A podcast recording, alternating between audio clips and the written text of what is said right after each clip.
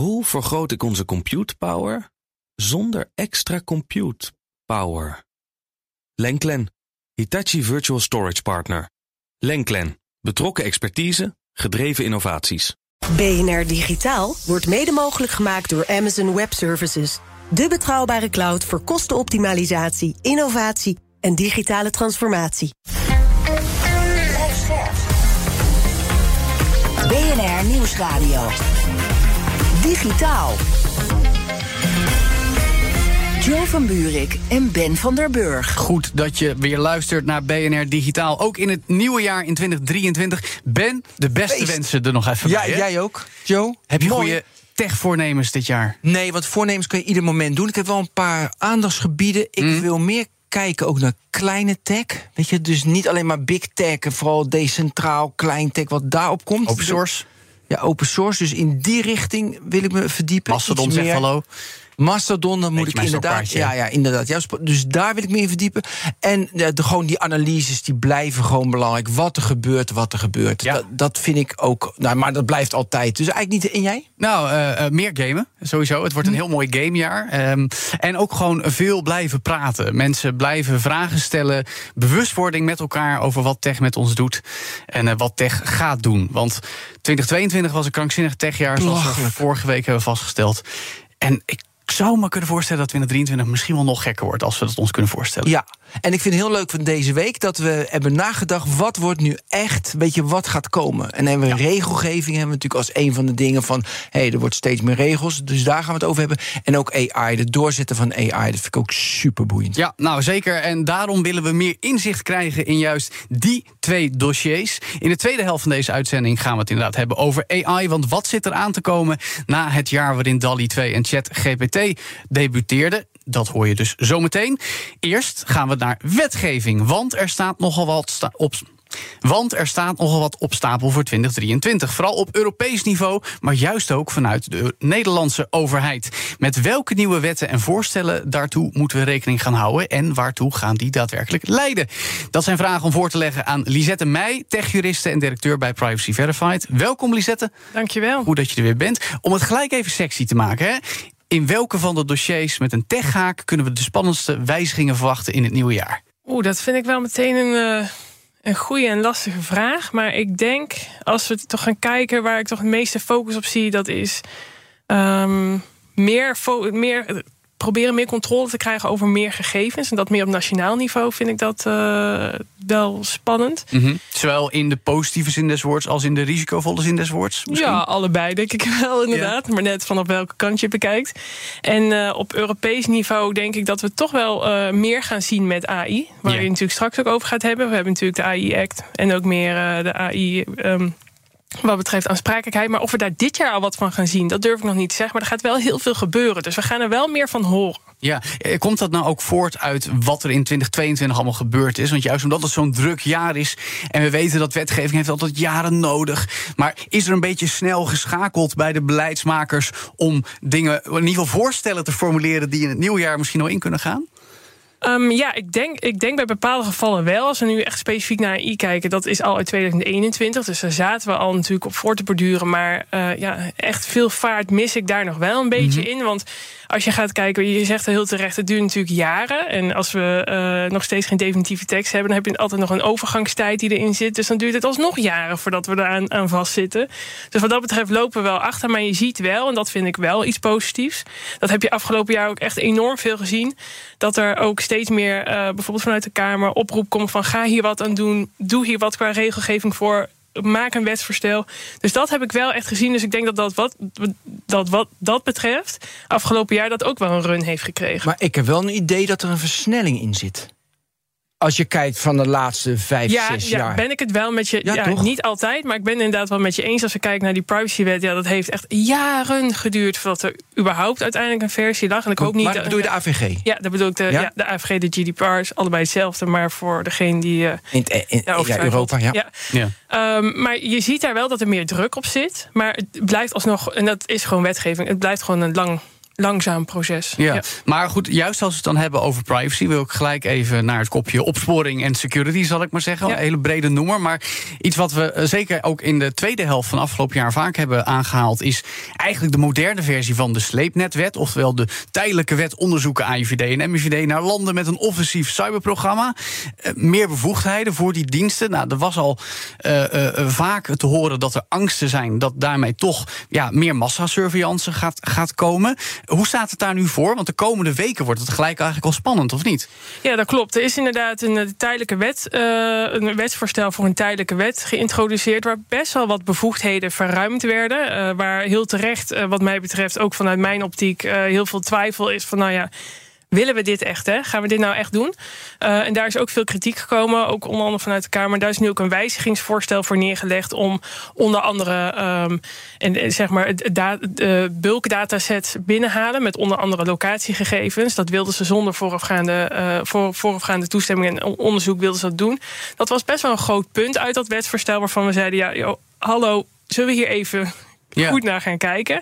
En daar is ook een voorstel voor neergelegd om daar weer toch die, eh, dat voorafgaande onderzoek voor terug te zetten. En ja, dat kost meer tijd, maar geeft ons wel een veiliger gevoel als het op die manier Ja, gaat. toch een beetje privacywater bij de wijn, zeg Ja, maar. alsjeblieft. En inderdaad ook voor het bewaren van dat soort datasets... dat we ook niet zeggen, we gaan dat gewoon klakkeloos... Eeuwig lang. Het was anderhalf jaar of zo, of een half jaar. En dat, Ja, precies. En dat als je dat nu wil verlengen, dat het ook onder toezicht gaat. Dus er moet gewoon wat meer controle komen. Dat is ook heel, wat mij betreft, heel normaal. Mhm. Maar dat zijn inderdaad dingen waar nu, eh, ja, waar nu wel... op- Is er een datum? Is er een datum wanneer Ja, het ligt dit nu. wordt veranderd? Nee, ja, dat ligt dan ter voorbereiding bij bijvoorbeeld de Tweede Kamer. Dus daar moeten we wat van gaan vinden. En eh, als daar een akkoord op gegeven wordt, dan kan dat weer verder door. Ja, maar verwacht je dat dit dossier nog een tijdje vooruitgeschopt blijft worden? Of gaan we daar binnenkort een knoop over doorgehakt zien? Want dat is natuurlijk de spanning, hè?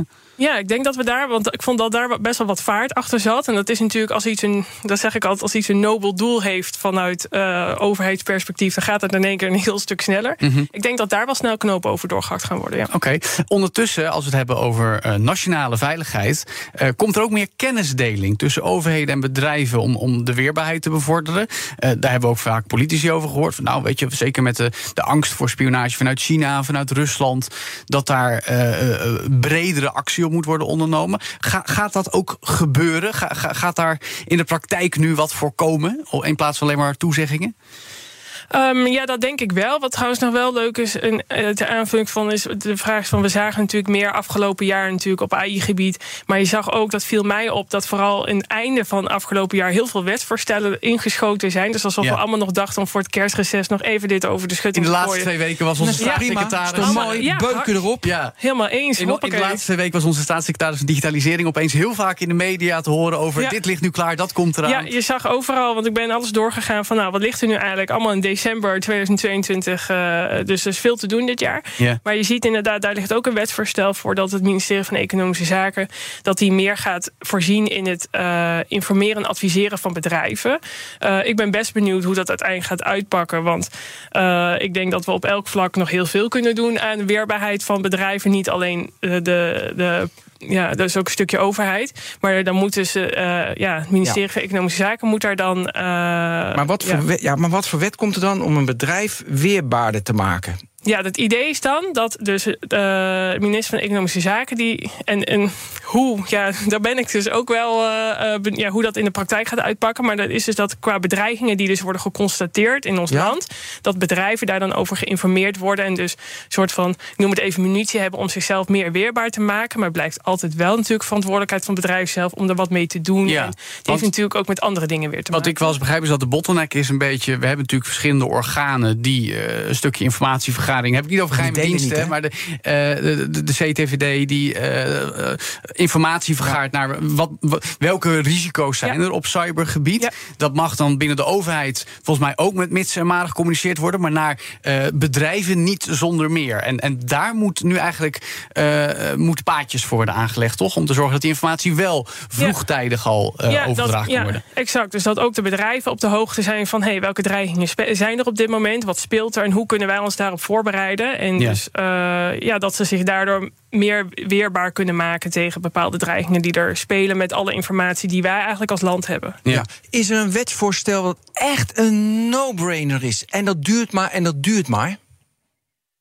Ehm, Want nee, ik, ik kom op deze vraag Mhm. omdat ik dit heb van... ja, jongens, dit is toch logisch, hadden we toch al lang moeten doen... en zo ja, maar moeilijk dat is heb het ik niet. dus met zo met heel heb je veel met dingen. alles? Ja, nou ja, ja wel met, heel veel. veel. Bijvoorbeeld wat we zien van een archiefwet, archiefwet van 1995 die we willen vernieuwen, denk ik, ja, dat lijkt me wel eens tijd. Ja, dat soort dingen, omdat het niet meer past in hoe de overheid nu werkt en met eigenlijk je moet je voorstellen, de archiefwet is meer op de papieren situatie geschreven en we werken natuurlijk ja, het liefst digitaal. En dan kun je natuurlijk de opslag van gegevens, noem maar op. Dat zijn echt dingen. Mhm. Hoe is die nu en hoe zou die moeten worden? Even kort. ja, hij is nu dus echt, zoals ik zeg, op de papieren situatie gericht. Wat eigenlijk niet haalbaar is. Er wordt ook heel veel ge- gedeeld en in systemen opgeslagen. En hij moet dus zo worden dat hij dus op de digitale kant is gefocust. Maar hoe word je dan anders? Ehm, hij wordt in die zin dus anders dat er in de huidige archiefwet bepaalde zaken staan die we niet eens meer kunnen naleven in, in de digitale kant. Als je kijkt naar bepaalde bewaren van zaken. En ook dat je niet altijd de, eh, bijvoorbeeld.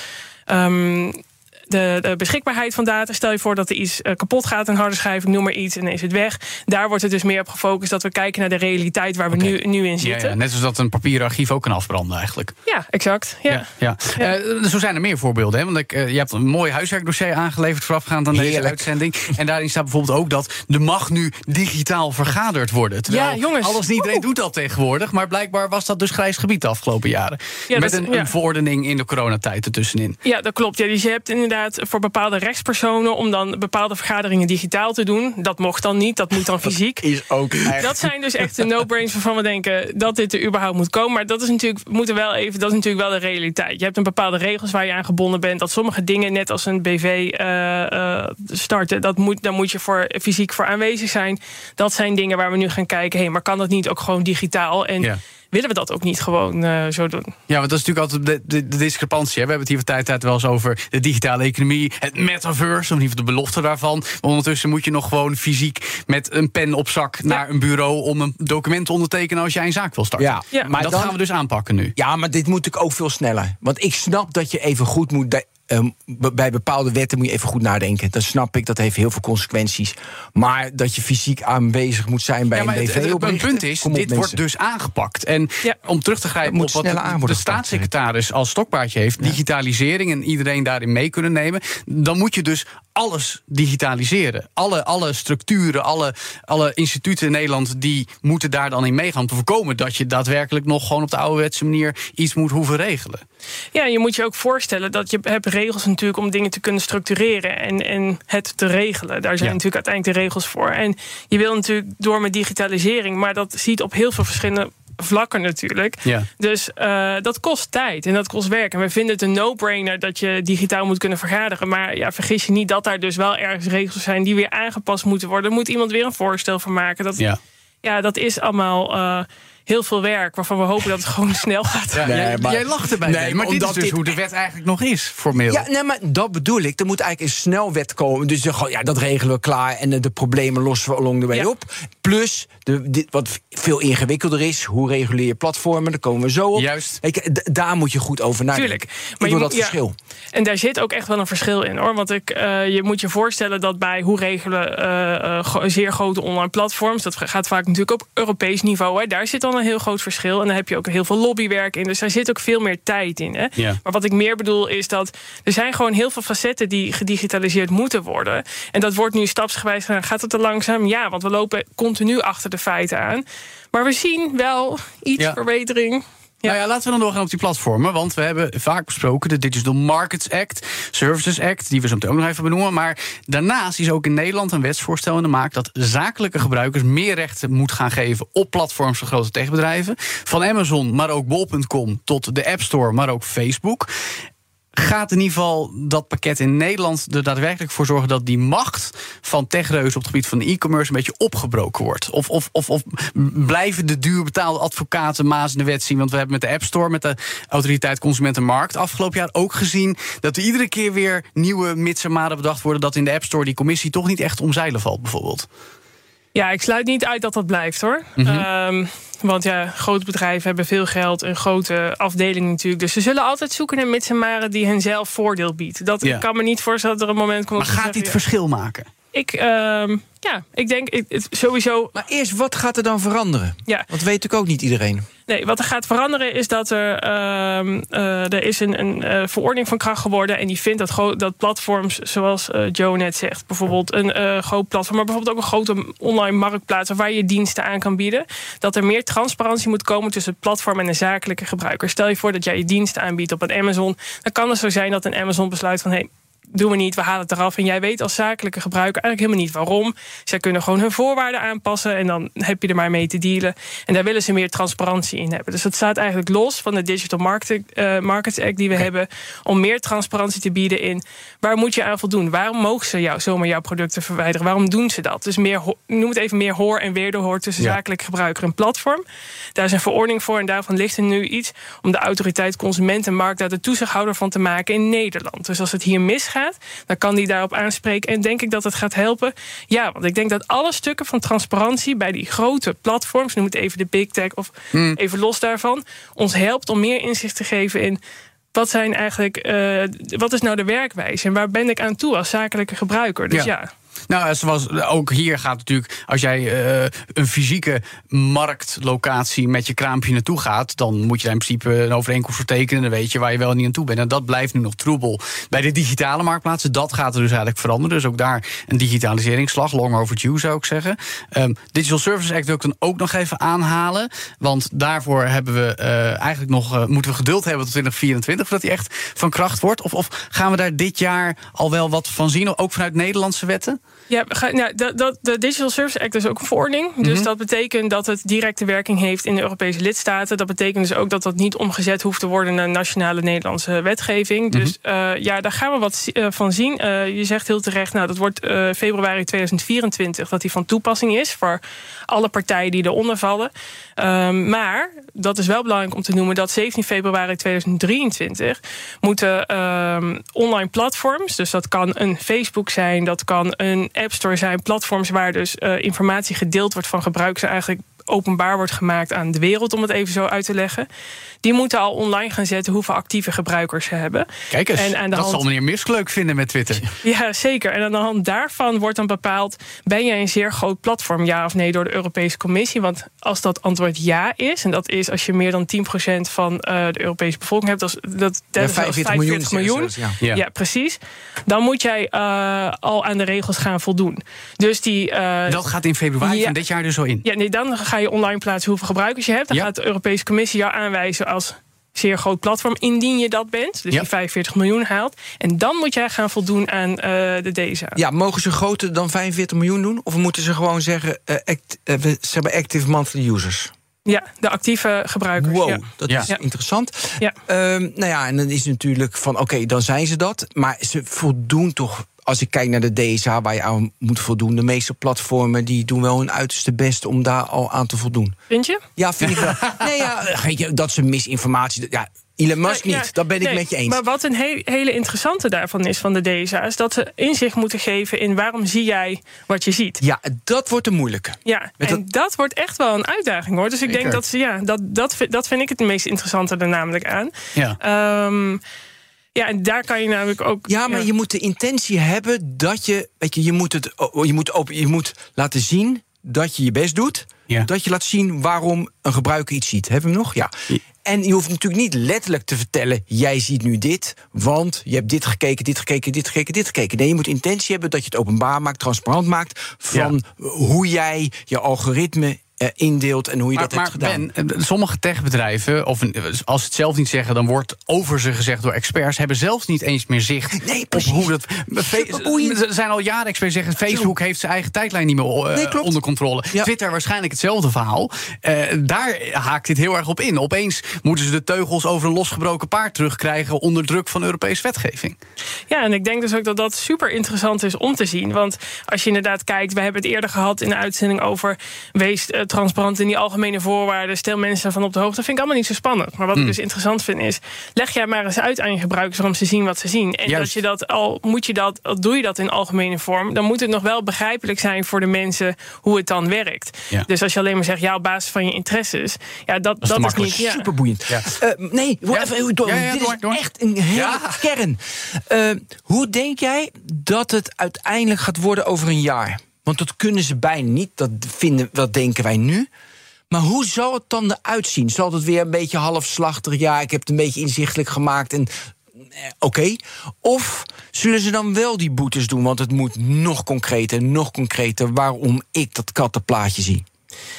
Dat hoop ik wel. Ehm, ja, ik, kijk, als het aan mij lag, eh, zeker. En ik weet natuurlijk niet hoe, hoe die eh, zeer grote platforms dit gaan doen. Maar je zou dus kunnen zeggen dat als zij daar dus niet aan voldoen, dan hebben wij dus de middelen om daar wat van te vinden. Maar besef je wel, en dat, dat is vaak het heel erg, eh, en ook vanuit mijn beroep als, als, als jurist natuurlijk ook heel lastig, dat er komt zo'n verordening. Ja. Jij moet daar aan voldoen. Jij moet duidelijk gaan maken waarom zien mensen wat ze zien. Om dat even als voorbeeld te pakken. Dat doe jij niet genoeg. Dan komt er een toezichthouder die zegt van... hé, hey, wij vinden niet dat je het genoeg doet. Nou, we pakken even een, een, een Twitter. Dus daar komt dan vanuit Europa vaak een leidende toezichthouder. Dat zal dan bijvoorbeeld Ierland zijn. Die start dan een onderzoek. En dat duurt dan soms een jaar Ja. of twee jaar. Ja, en dan we horen we niets. Dus dan Ja. denkt iedereen, ja, wat moeten we nou weer met deze wetgeving? En dan Ja. krijgen we een boete van 345 miljoen, wat natuurlijk een matig bedrag is. Ja. Weet je, waardoor ze denken, joh, het zal wel. Klaar. Ja. En weer door. Nou ja, maar goed. Ik wil nog even naar twee dingen die hierop inhaken. Over algoritmes gesproken. We krijgen een algoritme toezichthouder. Wordt ondergebracht bij de autoriteit persoonsgegevens. Die, die krijgt het ontzettend Ja, dat druk. wordt echt- met wat we alleen al afgelopen minuten besloten? benoemd hebben. Nou ja, Nou ja, dat, dat is ook, eh, vind ik ook eh, typisch. Die heeft het al heel erg druk en al eh, aardige moeite om alles bij te benen. Ja. ja, ik weet niet of dat de meest verstandige keuze is. En er zal natuurlijk iets heel aparts. Dat is trouwens al vanaf, vanaf nu, vanaf januari, Ja. zijn ze al de opeens hebben ze algoritme die divisie er nu bij, zeg maar. Die hebben ze er nu bij. Ik moet daar ook eerlijk van zeggen... AI is echt een heel ingewikkeld onderwerp. Als je daar toezicht op moet houden... dan moet je begrijpen hoe het werkt. Dus daar heb je ook weer speciale mensen voor nodig. Ik weet niet of die er al zitten. Dat betwijfel ik. Ehm, dus ja, hoe dat uit gaat pakken... Ja. dat vind ik ook wel heel spannend eigenlijk. Nog één ding dan. Dat haakt zowel in op algoritmes als ook op angst voor cyberspionage. TikTok. We zien in de VS al dat daar nu eh, eigenlijk gewoon een wet is die eh, op overheidstelefoons geen TikTok meer toestaat. Eh, misschien nog wel meer in de loop van dit jaar. Kunnen dat soort dingen in Nederland ook bij wet? Wat je eh, hier ziet, is dat we natuurlijk. En eh, er gebeurt er wel het een en ander tegen TikTok. Hè? Want dat is eigenlijk tweeledig. Dat is misschien eh, voor de luisteraar die niet helemaal helder heeft naar oud en nieuw. Het is tweeledig. De ene kant zit, noemen, we noemen het even spionage. Oftewel, data wordt beschikbaar gesteld in landen buiten Europa waarvan wij. Waarbij wij onze twijfels hebben. En dat is een stukje over het verwerken van Want in het privacybeleid van. TikTok staat nu gewoon dat Ja. medewerkers in China het kunnen zien. En wat er niet bij staat, maar wat we wel weten, is dat de Chinese overheid het dan waarschijnlijk ook kan zien. Ja, ja, exact. Ehm, dus, dus dat is één pijnpunt. Waarom hebben ze dat überhaupt openbaar Dat gemaakt? moeten ze, toch? Nee, Onder- ze kunnen dat gewoon vaag houden. Ja, dat moeten ze Waarom toch ook- schrijf je dan... Waarom? Toch, Lisette? Dat Ja, is je, toch... je bent inderdaad eh, in ieder geval vanuit eh, de AVG of de GDPR ben je inderdaad dus wettelijk verplicht om aan te geven of gegevens buiten de Europese Unie verwerkt worden. Ja. Maar ja, Ja, het maar verbaast mij tegelijkertijd wel dat het gebeurt. Ja, maar dit is toch, dat was ook toch een hele grap. Bijna het hele jaar lang ging het over, eh, vooral in de VS, met onderzoeksfalen. Nou, vermeend, eh, maar we kunnen niet hard maken. Ja. TikTok ontkent het. En opeens van de ene op de andere dag, ik geloof in november, stond gewoon op de website voor Europese gebruikers. De medewerkers in China kunnen data van Europese Weet gebruikers ik, op TikTok inzien. als je TikTok bent, had je dat natuurlijk nooit moeten vertellen. Want Ja, ze doen dat- zoveel dat dingen moeten die ze helemaal dus. ik vind toch? dat daar een supergoede privacyjurist, een eerlijk persoon zat. te die eerlijk. dat- Nou ik ja, schrijf het ja, zo op. Nou, dat, Nee, het is heel goed wat je zegt. voor ons, maar voor Ja, de, voor ja. de bevolking in ja, Europa. ik, ik ben het helemaal eens. Kijk, moet het juridisch zien? Ja, verbaast het me dat ze, dat ze het zo toekennen? Ja. Ja. Dus dat, ja, natuurlijk verbaast dat me. Ja. Maar eh, om terug te komen op je vraag: van Ja. nou, zo'n verbod kunnen wij dat verwachten? Er loopt natuurlijk het een en ander tegen TikTok op Europees niveau vanuit de ja. Ierse toezichthouder. Maar ook vanuit Nederland is er een, eh, een eh, rechtszaak gestart tegen TikTok vanuit een massaclaim. Wat misschien wel kunnen. Kijk, een verbod zie ik niet snel gebeuren. Nee. Dus ik zie wel gebeuren dat er inderdaad een boete wordt opgelegd. Maar een verbod op overheidstelefoons? Ja, dat kan de overheid natuurlijk zelf bepalen dat ze dat willen. Dus dat Ja. ze de medewerkers niet willen dat. Ja, ik zou me voor kunnen stellen dat je op een werktelefoon vaak sowieso het beleid hebt. Dat, dat, dat ja, soort, nee, eh, dat snap ik. eh, maar in de VS is dit echt in, een- in no time, in een paar maanden tijd, is dit eh, eigenlijk doorgevoerd. Ja. Zou, zou in. Den Haag, als, als ze nu gaan zeggen van nou, we willen dat op alle ambtenaren op hun werktelefoons geen TikTok meer kunnen gebruiken. Nou, dat zou ik eigenlijk schandalig vinden als dat niet al geregeld was. Nou, eh, we gaan Ja, merken. eens. We Ja. gaan het merken of dat dit Ja. jaar ook gaat gebeuren. En als het dan zover is, moeten we het daar zeker weer over hebben. Dankjewel, Lisette Meij, techjurist en directeur van Privacy Verified. Straks praten we uitgebreid door over wat we van AI kunnen verwachten in 2023. Want er waren al wat boeiende doorbraken op dat gebied in het afgelopen jaar. En 2023 moet dan al helemaal veelbelovend worden. Blijf luisteren. BNR Nieuwsradio. Digitaal. Joe van Buurik en Ben van der Burg. Welkom terug bij BNR Digitaal. 2022 was het jaar dat kunstmatige intelligentie voor iedereen beschikbaar en bereikbaar werd. In de vorm van toepassingen zoals DALI 2 en Midjourney, maar natuurlijk ook ChatGPT. En eigenlijk ook nog veel meer minder bekende AI-uitingen. Is deze technologie nou definitief doorgebroken? En wat kunnen we in het komend jaar allemaal verwachten? Zeker nu de innovatie steeds sneller lijkt te gaan.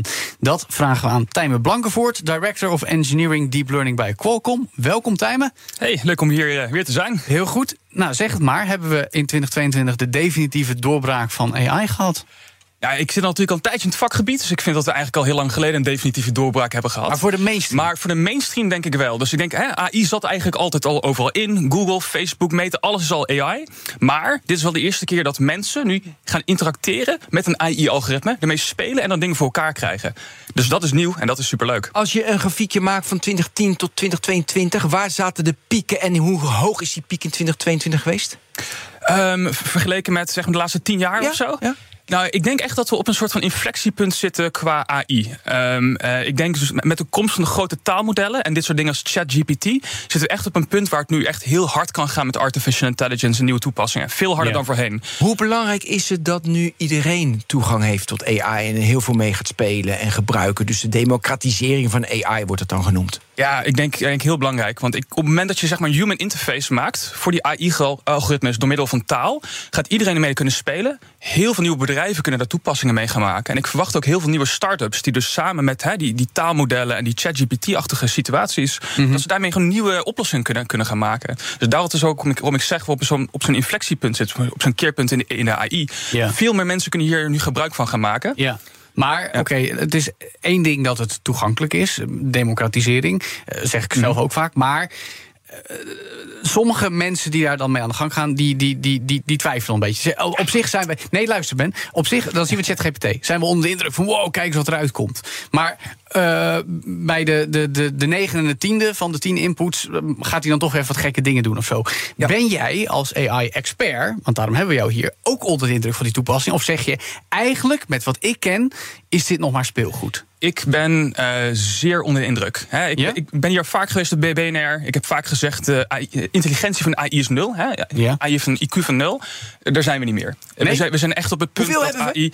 Nou, Peuter? volgens sommige Kleuter? tests 80. Er zijn, er zijn mensen die dus IQ-tests hebben ingevuld in ChatGPT. en dan komen ze meer dan 88. menig mens, zou ik zeggen. Ja, nou ja, ja je, je zit nog steeds, dat is nog steeds vrij laag. Maar op bijvoorbeeld begrijpend lezen zit je gewoon op middelbare scholierniveau. Dat bedoel ik. Dus we zijn niet meer op het punt dat AI dom is. AI is echt slim aan het worden. Dus dat verandert echt heel erg. Mhm. Maar is dat Dus ook zijn- iets wat in de afgelopen jaren opeens is opgekomen? in mijn optiek ja. Dus door de komst van die taalmodellen, die kunnen veel meer dan dat ik had verwacht. En dan ook veel andere AI-mensen hadden verwacht. Die zijn nog steeds een hele hoop neeënseers. hè. ChatGPT maakt nog steeds heel veel fouten. Ja. Maar ik zie de weg van waar we nu zijn naar die fouten oplossen. Ja. En dan die AI mainstream maken. En intelligent toepasbaar op heel veel plekken.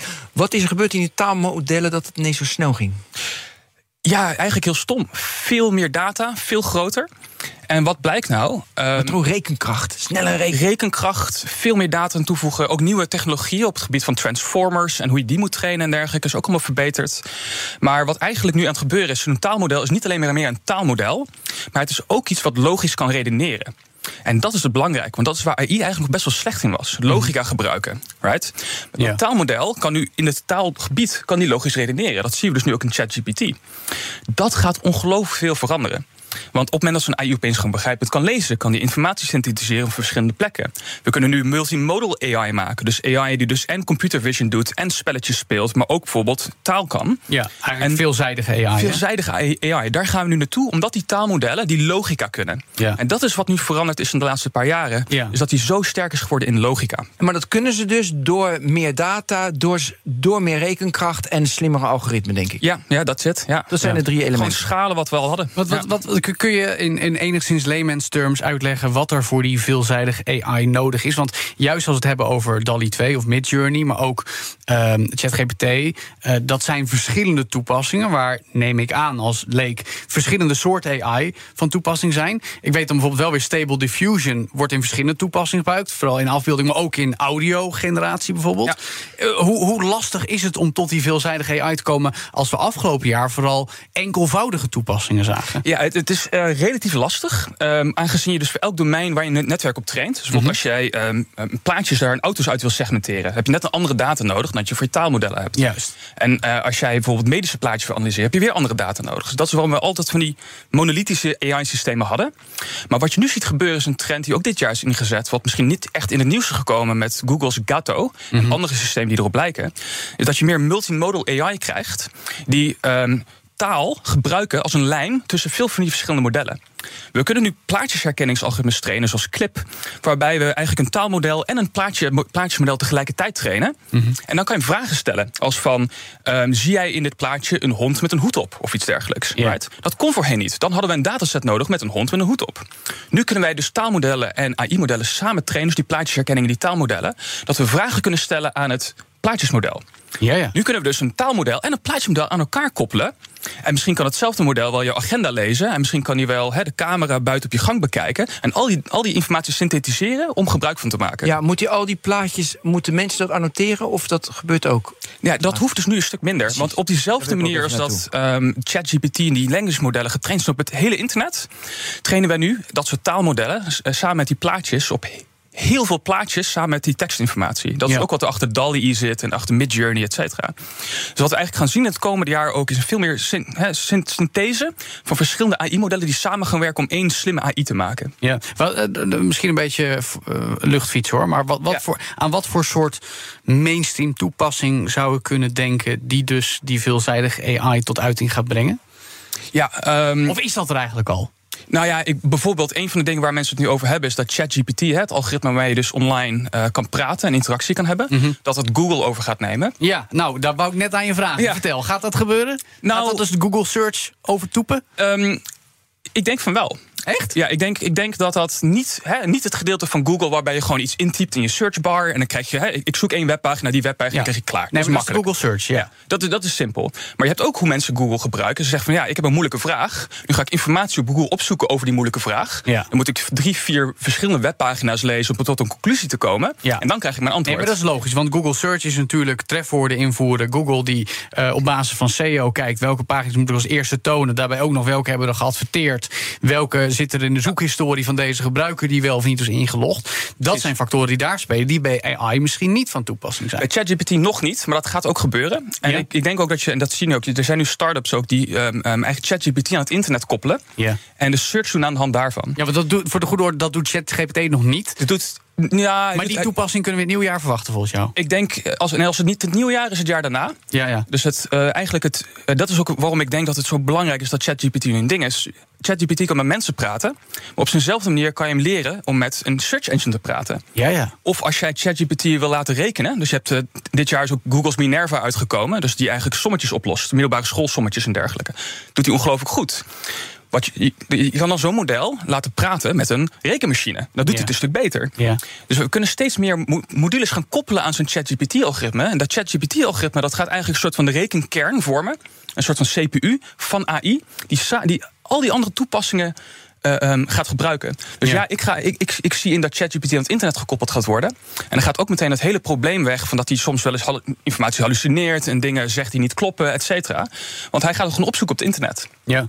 Maar oké, uh, kijk, ja. Uh, wat, wat ik, dat, waar ik dan als eerste aan moet denken. Ik zag bijvoorbeeld ook een uitspraak van iemand die zei: Nou, Microsoft gaat daarmee Google overtoepen, want die hebben een belang in OpenAI, wat natuurlijk achter ChatGPT zit. Dat is denk ik al een paar shortcuts achter elkaar. Google is ondertussen natuurlijk ook nog volop aan het investeren op AI en heeft daar misschien meer achter de schermen al de nodige toepassingen voor klaarstaan. Ja, ja, ja Google heeft al een hele tijd hebben ze ook die Lambda chatbot. Ja, die, die, ze zijn wat net, net wat minder bold geweest in OpenAI door dat, door, niet te releasen. Mm -hmm. Maar ik durf op te wedden dat ze dat intern ook gebruiken en ook toe, toe gaan passen op een search engine uiteindelijk. Ja, ja. maar uh, zijn dat dan de twee op het moment, Microsoft en Google? Of, of, of uh, onderschatten we er nu een paar? Als we het hebben over zichtbare AI-toepassingen. Want achter de schermen weten we natuurlijk misschien niet wat er allemaal speelt. Ja, kijk, alle bedrijven doen natuurlijk AI. Maar als je dit soort, dit soort toepassingen bekijkt. Ik denk dat OpenAI heeft, heeft een eigen taalmodellen. Microsoft, Google.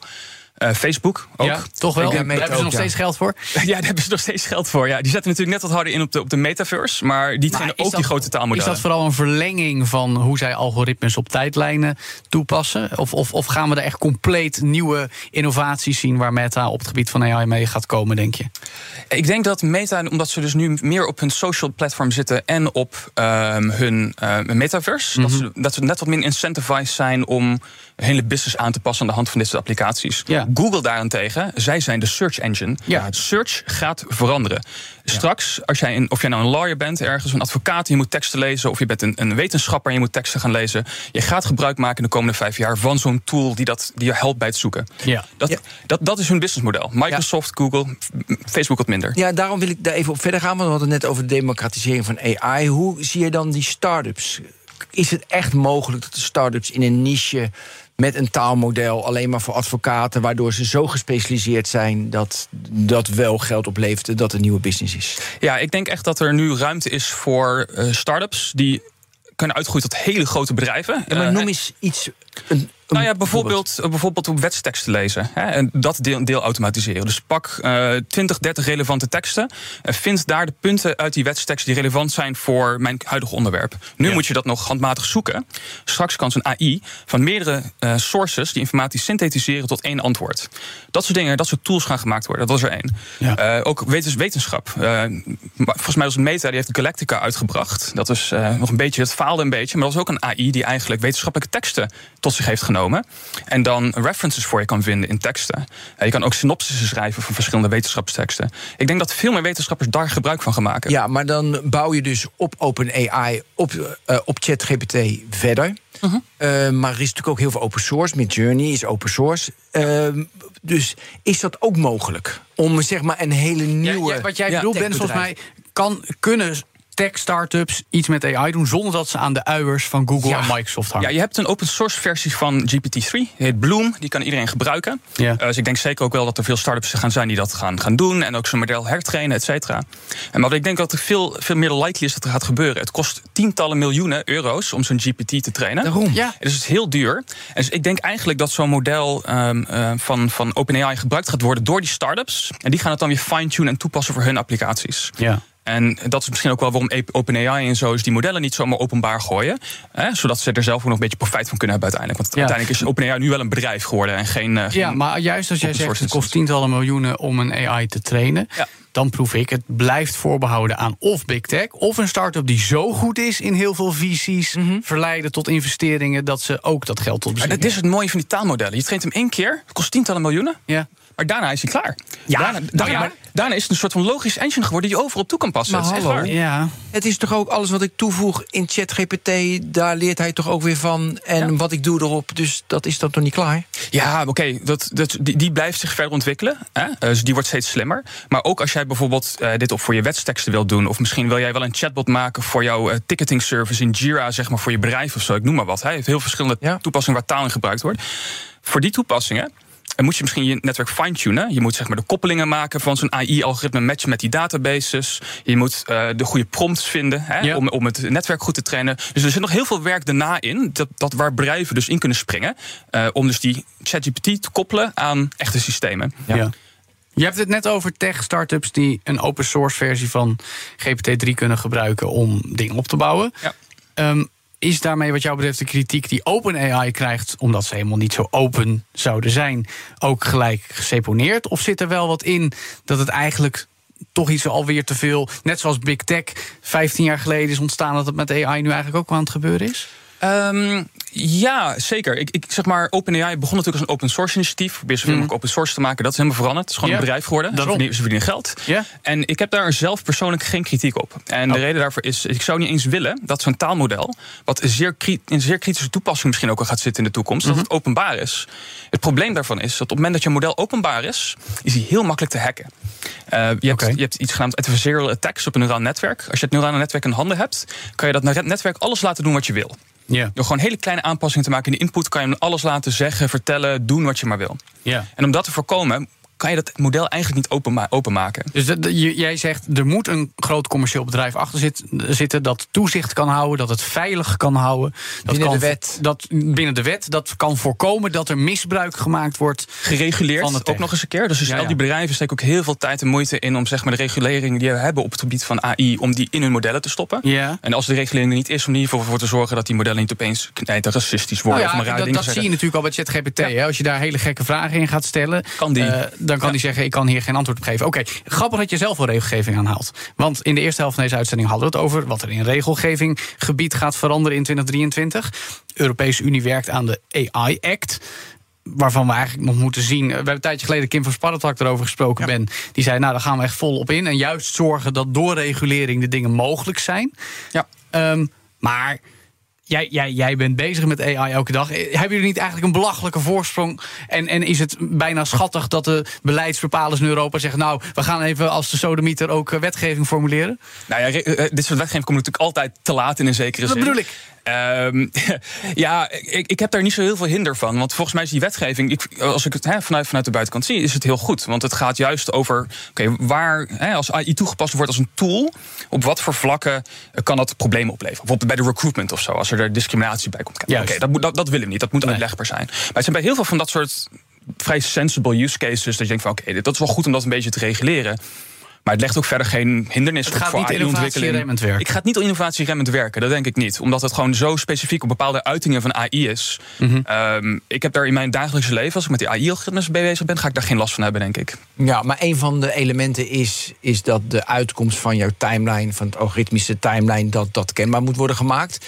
Jij hebt eerder tegen mij gezegd van nou, als ik het algoritme ken de, en ik weet de inputdata, maar dat lijkt me heel moeilijk dat je die kent, dan weet ik ook de output. Nou, dat kan ik me voorstellen. Alleen, je kent toch de inputdata niet, want die wordt veranderd als nu iedereen eh, in heel Nederland alleen maar naar kattenfilmpjes kijkt, dan wordt mijn timeline beïnvloed door kattenfilmpjes. Want dan denken ze van, hé, hey, er is iets met kattenfilmpjes.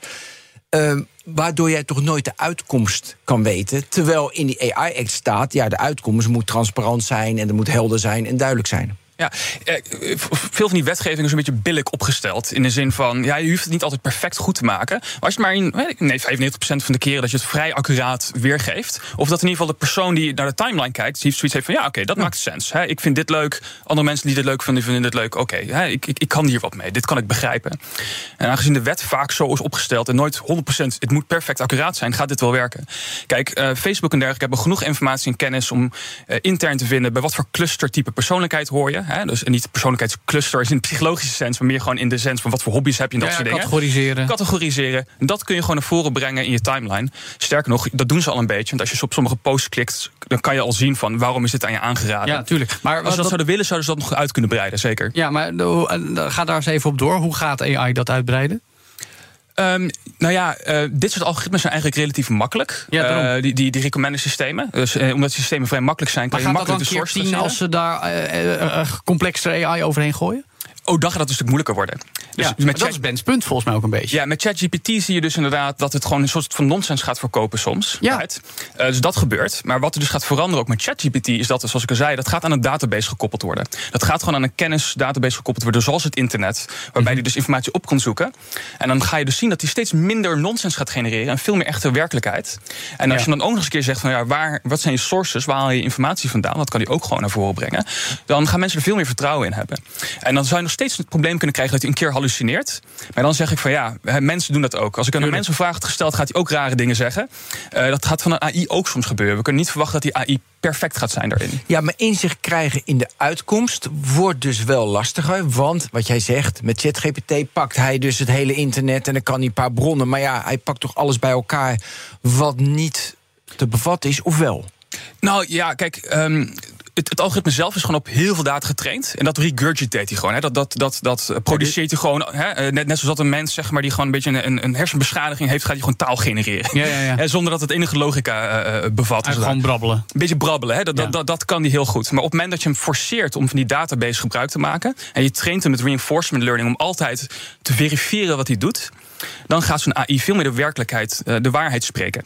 En dat is denk ik ook een van de ontwikkelingen die we dit nieuwe jaar gaan zien... is dat we dus die ChatGPT's gaan forceren om van zo'n database gebruik te maken. Mhm. En dan is het opeens, al die hallucinatieproblemen zijn dan weg. Ja.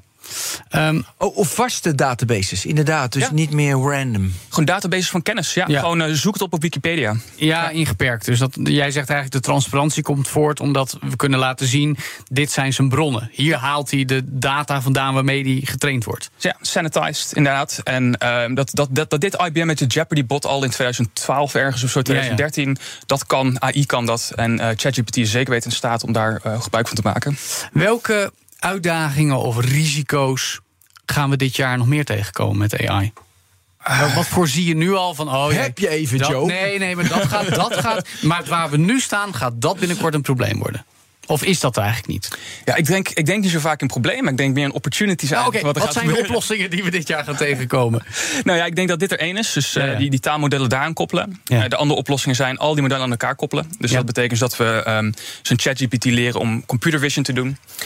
Dat gaan we krijgen. Ja, is ook even wel een probleem. Onderwijs. Ik, eh, ja, precies. Huiswerk. Precies, Douglas Rushkoff had een Ah, mooie, ja. weet je, mooi medium post... dat hij eindelijk een student had eh, die inderdaad ChatGPT had gebruikt. En hoe ga je dat controleren? ja, hoe dat, ga je dat, dat, dat, ja en, en misschien ook wel problemen in de creative industry, zeg maar. Van Ja. als er gewoon heel veel tekst Nou ja. gegenereerd worden door. Juridisch, nou, enzovoort. Precies. Dus, Nou ja, ja zeker. Ja, ja, dat zijn misschien wel sociale problemen. Kijk, wat, wat het eng is, maar misschien in die zin. niet zoveel, heb ik het idee. Nou ja, Denk je, ja. ik, ik denk altijd dat, dat, daar zijn, daar zijn de lawmakers voor, de Ja, mensen die de maar wet opstellen. nee, Maar persoonlijk? Wat zeg jij tegen al die visuele kunstenaars die nu al met eh, digitale protestborden op social media komen van steun creatives, nee tegen AI-kunst? Wat, wat zeg je daartegen?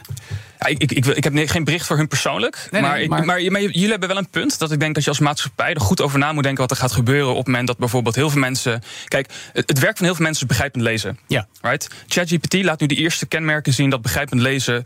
Nou, om en bij opgelost gaat worden door artificial intelligence. Snap ik. Dus wat er gaat gebeuren is dat mensen met behulp van die begrijpend lezen tools hun werk veel effectiever kunnen doen. Ja. Waardoor er misschien minder werk is voor dat soort mensen. Ja, maar je bent nu adviseur van de overheid. Wat adviseer je ze om wat voor maatregelen ze moeten nemen? Eh, persoonlijk zou ik zeggen, ehm, ga heel goed kijken naar een vangnet voor mensen die misschien hun werk verliezen door dit, door dit soort dingen. Dat dus is nogal drastisch. ja. Ja, Ja. ja. maar ja, kijk, ehm, AI had, had eerst een IQ van 0, en heeft een IQ, IQ van 80. Ja, ja. Eh, op het moment dat jij een IQ van 100 bereikt, hè, dan, dan zijn de helft, helft van de werkers niet meer nodig, omdat een AI het kan overnemen. Wat Ja. doen we met al die mensen met een IQ minder dan 100? Dat is de vind ik een vraag. hele gevaarlijke discussie. Ben Daar, daar wil ik het niet. Ja, er zijn altijd andere dingen die je, hè, qua werk die je kan doen. Maar je moet er goed over nadenken dat er misschien wel in de komende 10, 20 jaar. toch een hele hoop werk weg gaat vallen door dit soort AI-algoritmes. Dat meen ik echt. Ja, maar er komen nieuwe banen voor in de nee, maar creatieve uiting. Oké, maar tot slot dan, juist met creatievelingen, want dat zijn degenen die zich nu geraakt voelen, laat ik het zo zeggen, weet je wel. Vooral visueel, ook met tekst en met audio. Ehm, wat moeten die mensen in de komende tijd doen? Moeten die gewoon als, heel snel leren om AI's toe te passen en het daarmee maar gaan doen? Nou ja, ik denk het wel. Ik denk dat Net zoals dat fotografen pak een beetje 40 jaar geleden Photoshop moesten gaan leren. Ja, nou ja, in zekere zin. En, Ja, ja. eh, en ook in Photoshop komen straks AI-algoritmes te zitten, zoals Midjourney, die dingen genereren. Ik denk dat, je, inderdaad, dat het wel een goed idee is om gewoon te kijken naar deze ontwikkeling. Eh, ga daarmee spelen. Ga kijken wat het nu kan. Zoek naar start-ups op die misschien nog meer doen dan wat er nu al mogelijk is. Want ik denk ook dat bijvoorbeeld webdesign en zo, daar kan je misschien ook zo'n algoritme toe, op toepassen om webpages te, te, te, te, genereren. Blijf van op de hoogte en, en leer erover, zodat je het zelf ook in je eigen, eigen werk kan gaan gebruiken. Nou, met die woorden van wijsheid moeten we het doen. Dankjewel, Tijmen Blankenvoort, Director of Engineering Deep Learning bij Qualcomm. Tot zover BNR Digitaal, de eerste van 2023. Eh, we- en natuurlijk ook dit hele jaar blijven we je elke week een klein uur bijpraten over de belangrijkste dossiers in tech. Blijf ook op de hoogte van het laatste nieuws. Twee keer per dag met de Tech-update als podcast. Ga de diepte in, in De Technoloog. Precies. Ben van den Burg en Herbert Blankenstein. All in the Game over videogames en de Cryptocast. Met ook Herbert Blankenstein over cryptovaluta. En zo volgen er misschien dit jaar nog wel een paar. Denk het wel, ja. Hè, Ben? Voor nu bedankt voor het luisteren. Tot volgende week bij de volgende BNR Digitaal. Dag. BNR Digitaal wordt mede mogelijk gemaakt door Amazon Web Services. De betrouwbare cloud voor kostenoptimalisatie, innovatie en digitale transformatie. Hoe vergroot ik onze compute power zonder extra compute power? Lenklen, Hitachi Virtual Storage Partner. Lenklen, betrokken expertise, gedreven innovaties.